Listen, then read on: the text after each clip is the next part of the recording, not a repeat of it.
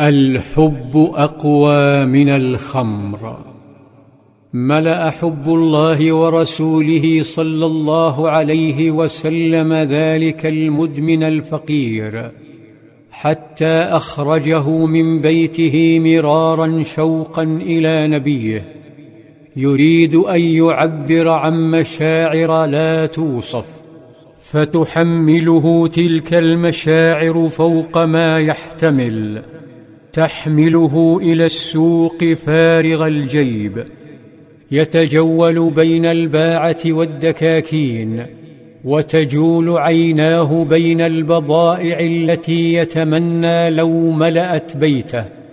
يبحث عن ألذها فلا يرى مثل السمن والعسل أحب إلى قلبه. تنتقي عيناه أطيبها فيشير نحوها.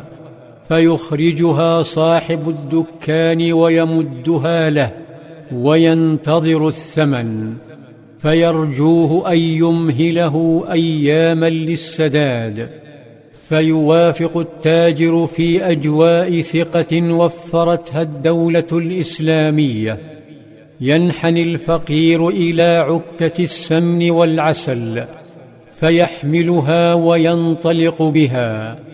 ليس إلى بيته الخالي ولكن إلى بيت قائده صلى الله عليه وسلم الذي لم يعنفه يوما لم يكشر في وجهه لم يعيره بذنبه أو يسخر منه.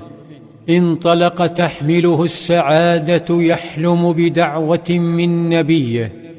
يحلم بمرافقته في الجنة وعندما يصل يطرق بابه ويستأذن ويدخل ويمد لحبيبه الهدية فيقبلها صلى الله عليه وسلم ثم ينصرف والسعادة تملأ ثيابه وتمر الأيام.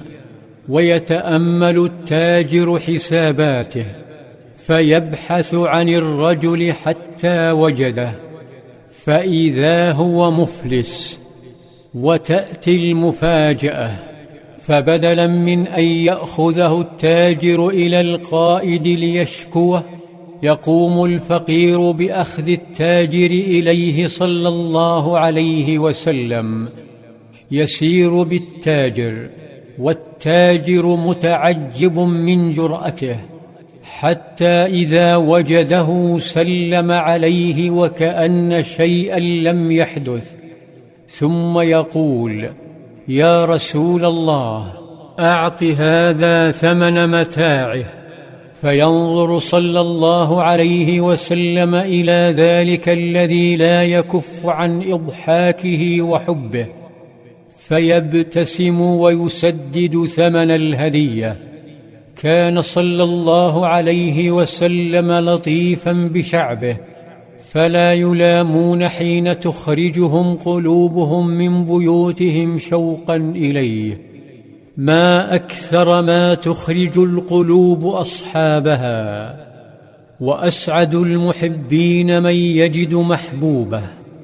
كهذا الرجل الذي خرج لهفة لنبيه ولما وجده اشتاق إليه وهو أمامه فاحتز من قلبه سؤالا يقول متى الساعة؟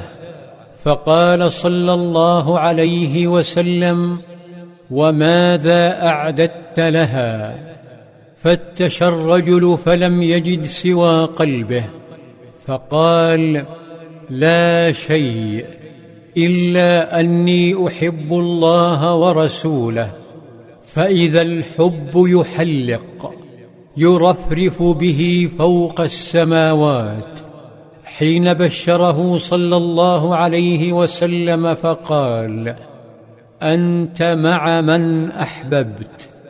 سمعها تلاميذ محمد صلى الله عليه وسلم فطارت قلوبهم فرحا وقالوا ما فرحنا بشيء فرحنا بقول النبي أنت مع من أحببت هكذا كانت طيبه كانت مدينة للحب فأين تجثم الكراهية إنها هناك قرب عرفة في منطقة عرنة بالتحديد.